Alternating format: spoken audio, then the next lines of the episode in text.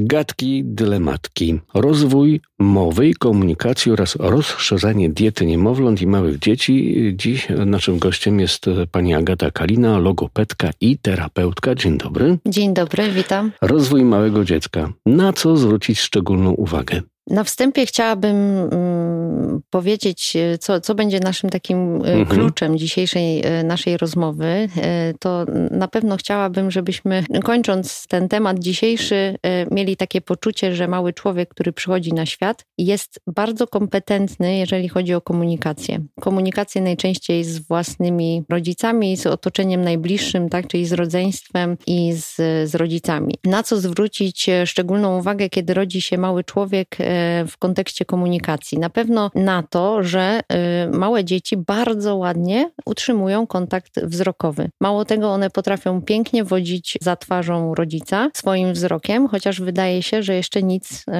nie, y, nie widzą i nie dostrzegają wyraźnych cech, aczkolwiek potrafią to robić bardzo pięknie. Potrafią utrzymywać tak zwane pole wspólnej uwagi, czyli kierować uwagę rodzica na elementy, które są dla tych dzieci ważne. I oczywiście rzeczą, którą potrafią robić małe dzieci, którą rodzice często um, pojmują jako coś może nie, nie, y, może nie złego, ale niekomfortowego dla nich, to jest płacz, kiedy te dzieci zostają same. I przychodzą do mnie często rodzice i mówią, no wie pani...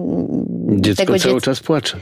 Tak, albo nie da się go odłożyć, e, albo ja nie mogę wyjść nic zrobić, tak, bo to dziecko zaraz płacze. Ja wtedy uśmiecham się do nich i mówię, że to jest naprawdę bardzo dobry krok do pięknej wspólnej relacji i komunikacji, dlatego że jeśli jest komunikacja, to jest też relacja z rodzicem, a dzisiaj jak patrzymy na, na świat otaczający nas, to to, co my możemy wspierać u naszych dzieci, to jest właśnie komunikacja z drugim człowiekiem i relacja. I to, co my sobie zrobimy jako rodzice małego dziecka na starcie, czy jeżeli będziemy wspierać tą relację i komunikację, będzie bardzo ładnie nam e, rzutować na dalsze e, nasze wspólne życie. Nie? Bo dzisiaj badania pokazują, że rodzice, którzy ładnie wchodzili w relacje i w komunikację z najmniejszymi dziećmi od urodzenia, mają bardzo ładną relację, e, na przykład w okresie dojrzewania tych dzieci. Więc e, spójrzmy na tą komunikację jeszcze, e, jeszcze szerzej i zawsze się uśmiecham do tych rodziców i mówię, to bardzo dobrze, że płaczę. Martwilibyśmy się, gdyby to dziecko nie zauważało, że zostało same, mhm. bo, bo wtedy jego rozwój właśnie komunikacji, ten rozwój społeczny byłby no,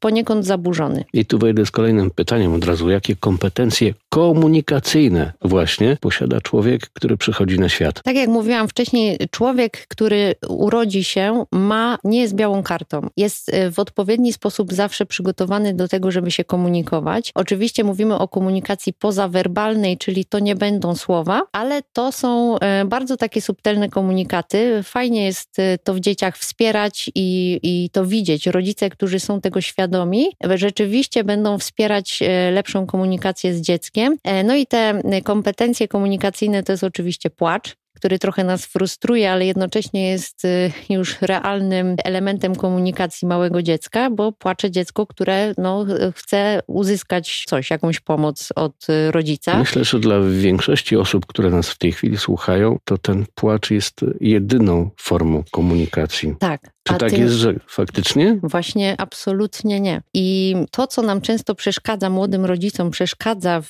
w zauważeniu innych elementów komunikacji pozawerbalnej, to jest często na przykład wysoka technologia, która nas otacza i my dzisiaj mało jesteśmy w ciszy. Dzięki Bogu słuchamy podcastów, e, mhm. słuchamy e, radia, słuchamy muzyki, oglądamy telewizję, tak, mamy e, tablety, telefony, co bardzo nam ogranicza chociażby zauważenie tych bardzo subtelnych elementów komunikacji małego dziecka, a to są na przykład parsknięcia, chrząknięcia, jakiś kaszel nawet, ziewanie. No i pierwsze słowa małego dziecka, tak zwane głużenie, które E, co ciekawe pojawia się u wszystkich dzieci, nawet tych, które w przyszłości niestety nie będą mówić, bo ma, na przykład mają jakieś wyzwania rozwojowe. Mogą to być dzieci głuche, ale też będą głużyły i każde dziecko na całym świecie głuży dokładnie mniej więcej, oczywiście w ten sam sposób. Niezależnie od tego, jaki mamy język, w którym mhm. zanurzamy te dzieci, czy to chiński, czy, czy, czy polski, to głużenie mniej więcej będzie wyglądało tak samo, czyli takie dźwięki gardłowe, fajne, które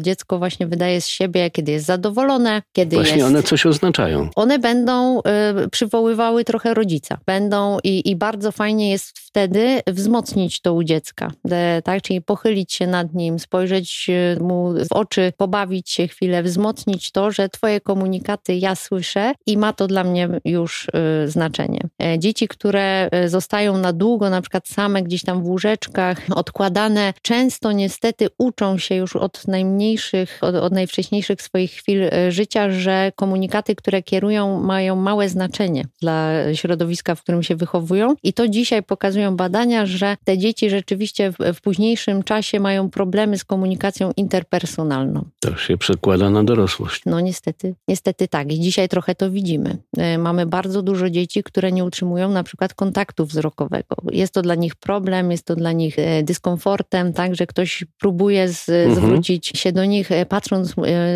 tym dzieciom w oczy, one tego unikają. Zastanawiamy się, dlaczego tak jest. Wciąż poszukujemy jako terapeuci odpowiedzi na te pytania, natomiast przychodzi bardzo dużo dzieci na terapię, gdzie właśnie te pierwsze okresy zostały trochę pominięte, mm, jeżeli chodzi o komunikację. No właśnie, jak wspierać rozwój mowy i komunikacji? To jest tak, że jak mhm. mam takiego malucha w łóżeczku, mhm. to podchodzę i agugu, agugu, agugu tak. i nawiązuję łączność e, e, tak. poprzez takie gaworzenie, tak jak on próbuje ze mną łapać kontakt? Tak, y, to, to, są, y, to są piękne chwile. Zanim pojawią się pierwsze słowa e, dziecka, o czym też pewnie sobie niedługo powiemy, to na pewno warto jest, my mówimy o, o czymś takim jak kąpiel słowna, czyli zanurzamy dziecko w naszym e, pięknym języku, opowiadamy, co się dzieje wokół, tak? Czyli mamy je gdzieś tam przy sobie i opowiadamy, co dzieje się wokół nas, Nazywamy co robimy. ten świat. Tak, po prostu jesteśmy razem i nazywamy, e, nazywamy świat. E, pamiętajmy o tym, to też chciałabym, żeby wybrzmiało bardzo dobitnie, że żadne dziecko, jeszcze nie, nie spotkałam w ciągu 10 lat pracy z małym dzieckiem, nie spotkałam żadnego dziecka, które nauczyło się mówić z bajek albo z telewizora. Tak? Dziecko mhm. musi być zanurzone właśnie w kąpiel słowną, żeby po, podjęło próby e, później komunikacji już e, werbalnej. Co, co możemy robić jeszcze? Możemy, oczywiście dzisiaj wiemy jako rodzice, bo rodzice dzisiaj e, poszukują tej wiedzy i to bardzo pięknie.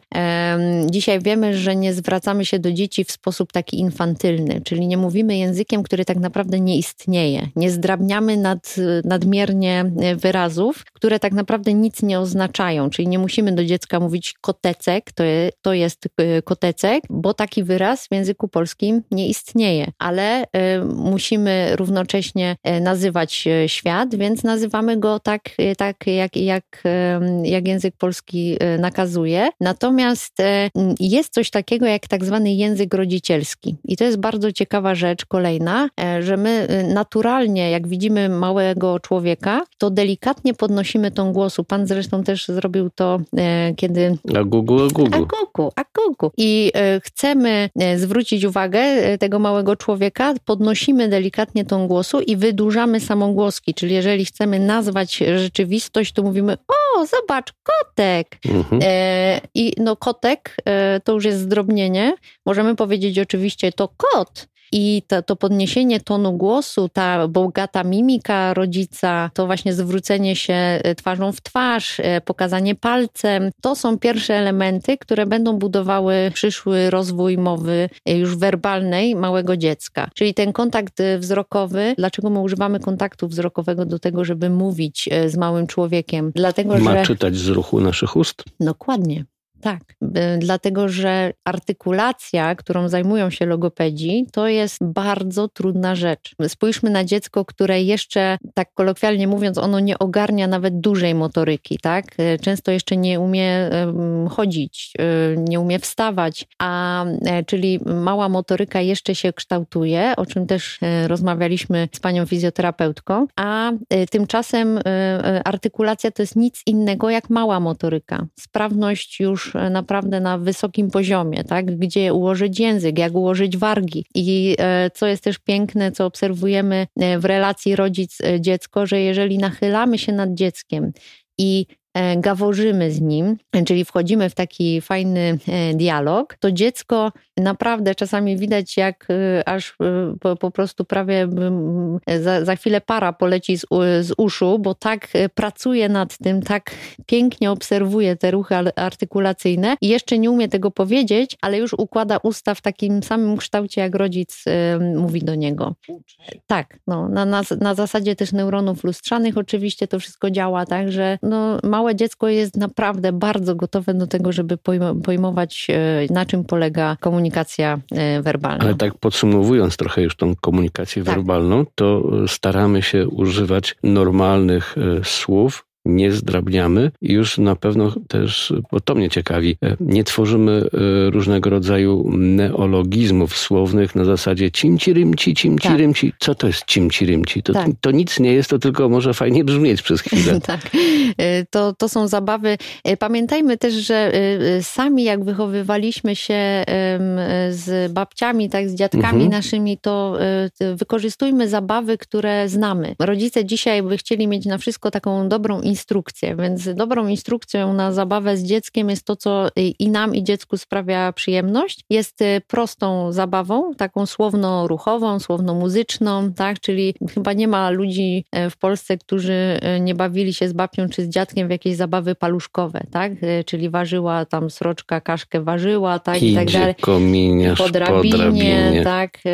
Nie, nie bójmy się tych zabaw, bo one dlatego są takie z dziada, pradziada przekazywane, mhm. bo po prostu działają działają i są piękne. Więc y, to, co proste, to, co intuicyjne, pamiętajmy, że nikt nam y, nie, nie musi y, nakazywać i mówić, jak mamy się bawić z własnym dzieckiem, bo po to mm, chociażby my, matki, mamy intuicję, żeby z niej po prostu korzystać. Więc ten język rodzicielski, kontakt wzrokowy, kąpiel słowna, język, który istnieje, tak, a nie jakieś słowotwórstwa i pozwalajmy też dzieciom na to, żeby przez jakiś czas używały wyrażeń dźwiękonaśladowczych, w zamian za e, słowa, które są trudne, tak? Czyli zamiast pies możemy powiedzieć hał, hał i to jest ok. I ja jako logopedka, jeżeli badam dzieci do drugiego, nawet roku życia, to liczę to jako słowo. Jeżeli dziecko będzie za każdym razem, kiedy widzi psa, mówiło wo, wo albo hał, hał, to dla mnie jest y, zrozumiałe, że ono tak nazywa psa i y, do pewnego momentu dajemy tą przestrzeń, żeby dzieci korzystały z wyrażeń y, dźwiękonaśladowczych, bo one pięknie wspierają rozwój mowy. Czyli na samochód brum brum. Brum brum, tak. I to też się często stosuje. Tak jest. Teraz tak płynnie spróbujemy przejść do tematu, mhm. który jest bardzo związany, choć niektórych z Państwa może zaskoczyć takie przejście. Co może nas zdziwić lub zaskoczyć y, przy rozszerzaniu diety malucha? Mhm. To, to właśnie powiedzmy sobie, skąd, skąd mhm. takie przejście. Każdy terapeuta małego dziecka, logopeda wczesnej interwencji powie, że to, jak dziecko mówi, praktycznie w 90% zależy, zależeć będzie od tego, jak je. Chodzi o sprawność motoryczną. Nie co, ale jak. Jak, jak powie. To, co e, robimy przy rozszerzaniu diety, kiedy dziecko zaczyna e, odgryzać pokarmy, rzuć, e, czyli bardzo mocno trenuje aparat artykulacyjny, będzie zależało właśnie to, to jego jedzenie, czy będzie sprawne, czy będzie odpowiednie, bo, bo jedzenie jest po prostu jednym wielkim treningiem narządów artykulacyjnych dla, dla dziecka. Więc stąd to połączenie, dlatego że ja jako logopeda pracuję z dziećmi zarówno w tej komunikacji, jak i właśnie w tym jedzeniu, żeby połączyć te dwie rzeczy i mieć w przyszłości trzylatka, który nie będzie miał wad y, wymowy po prostu. Co, a co nas może zdziwić lub e, zaskoczyć? No to na pewno zaskoczy nas e, bałagan, który e, towarzyszy dzieciom przy rozszerzaniu diety. To zawsze się śmieję, że jednym z elementów, który rodzice zawsze kupują, różne rzeczy do rozszerzenia diety, fotelik, kubeczek, łyżeczkę, talerzyk piękny i tak dalej, to jeszcze pies by się przydał, który to wszystko posprząta. Mhm. Te, te zrzucane przez dziecko rzeczy. I to, pewno... już, I to już jest to wademekum rozszerzania diety? Czy czy jeszcze nie?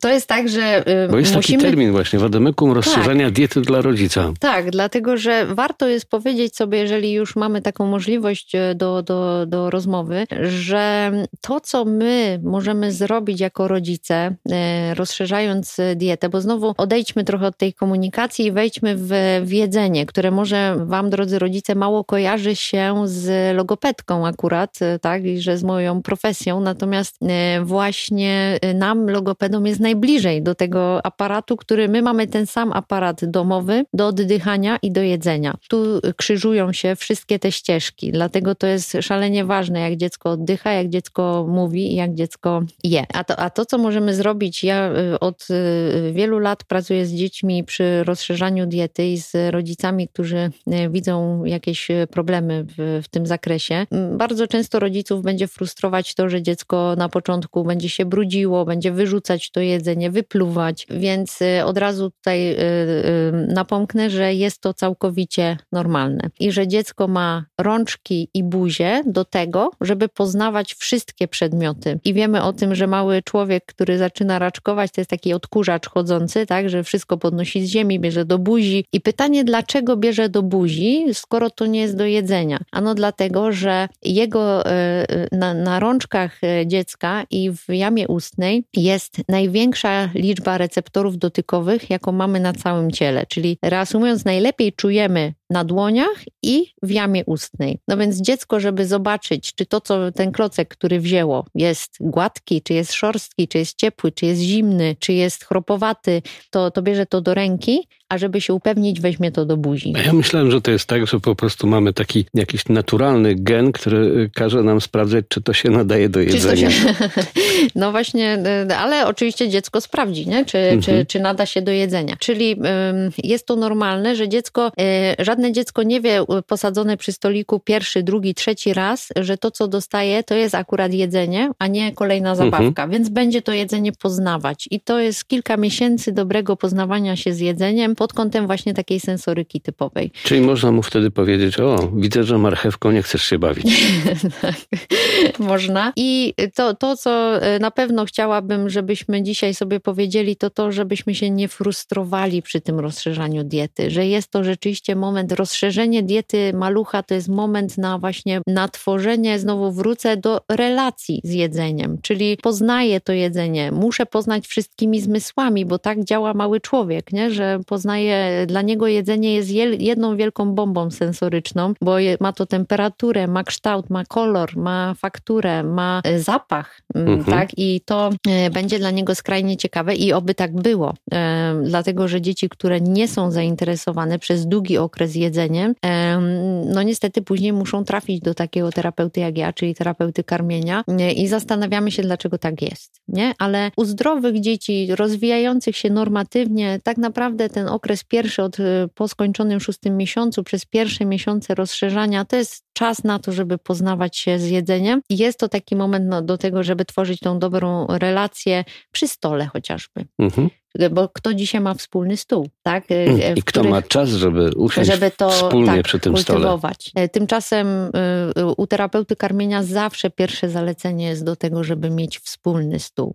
Nawet jeżeli to ma być kawałeczek gdzieś tam blatu w kuchni, to to musi być ta, to, to poczucie wspólnoty, żeby było zabawniej. Małe dziecko będzie bardzo, bardzo czujne, co jedzą moi rodzice i ja najchętniej miałbym to samo, miałabym to samo na talerzu. Nie? Tymczasem częsty błąd popełniany jest taki, że ja mam swoje jedzenie, a moi rodzice mają swoje jedzenie, tak? Inne. E, przy czym prymitywna taka funkcja małego człowieka jest e, taka, że będę dążył do tego, żeby jeść to, co e, moi rodziciele, żeby zadbać jakby o swoje bezpieczeństwo. E, to jest bardzo taka... No, taki atawizm ale, jeszcze, tak? Tak, no, e, ale, no, ale na tym to polega. Mhm. Tak? I widzimy to nie tylko u ludzi, ale u wszystkich ssaków w, w, w naturze. Że, e, że potomstwo chce naturalnie jeść to, co tak. jedzą rodzice. I że w pewnym momencie się pojawia też taki moment, że dziecko nie tknie rzeczy, których, które uważa za inne dziwne, mm, nie moje, tak? I jest to okres tak zwanej neofobii żywieniowej, bardzo też ciekawy, ale już na, na kolejną rozmowę zupełnie temat. Natomiast pod kątem takiej czystej psychologii jedzenia, dzieci wpadają w okolicach półtora roku w taki okres neofobii, który będzie właśnie pokazywał, że aha, jestem bardzo czujny, czujna, co zjadam, żeby się nie otruć, mhm. gdzie wiadomo, żaden rodzic nie będzie truł własnego dziecka, ale to bardzo silnie siedzi w nas. Nie? No my jesteśmy jednak, co by tu nie powiedzieć, z sakami i, i ten rozwój idzie e, tak, a nie inaczej. Także y, zaufajmy trochę dzieciom, e, dbajmy o dobrą relację, wspólny stół, czekajmy na gotowość też dziecka do rozszerzenia diety. Dziecko nam najprawdopodobniej pokaże, kiedy będzie gotowe. A to będą takie momenty, kiedy dziecko po prostu samo będzie wyciągało ręce do jedzenia, które spożywają rodzice. To to już będzie taki moment, że aha, jestem bardzo zaciekawiony, co macie na talerzach i dawajcie to na, na stół, to będę to e, z ja, wami ja, wspólnie mhm. poznawał. I na koniec, kiedy rodzice powinni udać się do terapeuty? No to jest trudne pytanie. Dzisiaj. To, to jest płynne, tego nie da się powiedzieć. Nie, tak dlatego że normy, normy w ogóle dotyczące rozwoju małego dziecka są bardzo szerokie, dlatego że e, to oczywiście dzisiaj sobie tu miło rozmawiamy o rozwoju komunikacji i, i tego jedzenia, natomiast na to wpływa ogromna liczba e, czynników. Mało tego, są to czynniki nie tylko e, takie, które zadziałały w życiu tego człowieka, ale również nawet w okresie prenatalnym, a nawet jeszcze przed poczęciem tego człowieka.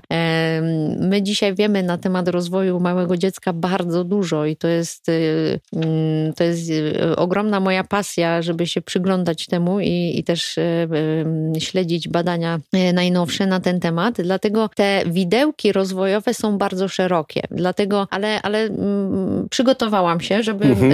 dać kilka takich kluczy dla, dla rodziców. Na przykład, jeżeli okazuje się, że dziecko po okresie głużenia, czyli tych takich dźwięków gardłowych, to gugu, gaga, gigi, milknie nagle, tak? Nie wchodzi w kolejne etapy rozwoju mowy i trwa to mm, na przykład kilka miesięcy, to warto udać się do terapeuty, dlatego że może być to efektem na przykład niedosłuchu. Jeżeli dziecko, małe dziecko nie wypowiada pierwszych słów, a ma już na przykład półtora roku, to to jest absolutny już moment do tego, żeby pójść e, do e, logopedy. E, to nie są dzieci, które, to, to, to, to nie są w ogóle dzieci, które nadają się na terapię logopedyczną, cotygodniową pracę.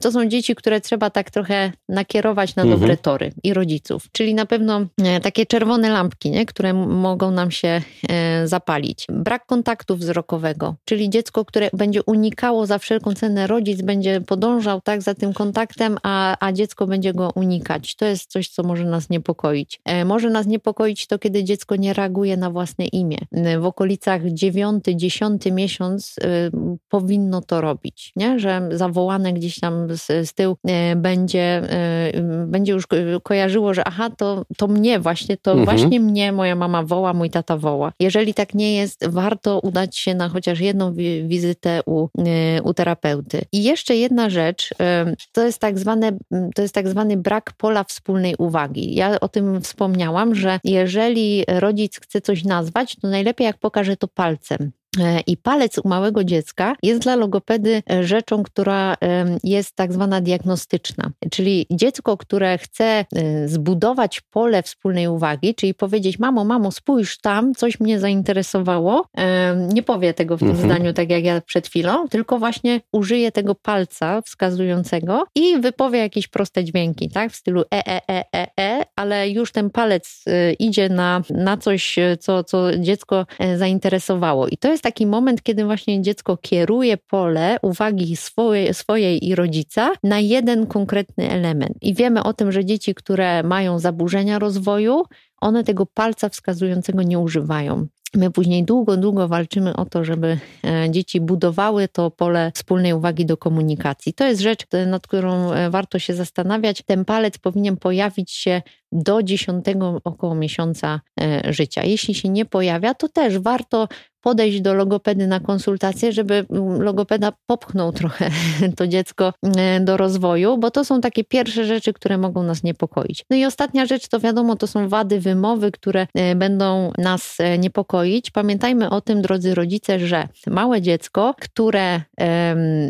zamienia jakieś głoski, które sepleni na przykład, czyli wyrzuca język między zęby, to nigdy nie jest norma. Nie jest tak, że dzieci, które mają 3 lata mogą mówić totet zamiast e, kotek i wyrosną z tego tak? Czyli, e, bo czasami czekamy, na przykład do piątego roku życia, bo ktoś nam powiedział, że dziecko e, wyrośnie, tak, że się nauczy. Oczywiście są pewne głoski, które przychodzą nam później w rozwoju, typu głoska ry, e, czy głoski z szeregu szyży czy dży, to są trudne głoski dla dziecka i ono może tam substytuować, natomiast warto jest zwrócić uwagę na to, na takie dziwne rzeczy u dziecka, tak? Czyli właśnie zamiana ky na ty, zamiana gy na dy. To są takie typowe przykłady, gdzie dziecko będzie e, zamieniać przy, e, przy właśnie niskim, niskiej sprawności artykulatorów i wyrzucanie języka między zęby też nigdy nie jest normą. I zazwyczaj się nie zdarza, żeby dziecko samodzielnie z tego tak e, w cudzysłowie wyrosło. Tak? Czyli takie czerwone lampki bym tutaj na pewno zaznaczyła, to na co warto zwracać uwagę w rozwoju. Ależ Państwa nastraszyliśmy. E, ale nie, to... w gruncie rzeczy właśnie nie. Ja bym chciała, żeby to zakończyć takim dobrym akcentem, że każde dziecko, które przychodzi na świat, jest naprawdę w pełni gotowe i kompetentne do tego, żeby z Wami rozmawiać. Państwa i moim gościem była logopedka i terapeutka Agata Kalina. Bardzo dziękuję za rozmowę. Bardzo mi miło, dziękuję i do usłyszenia.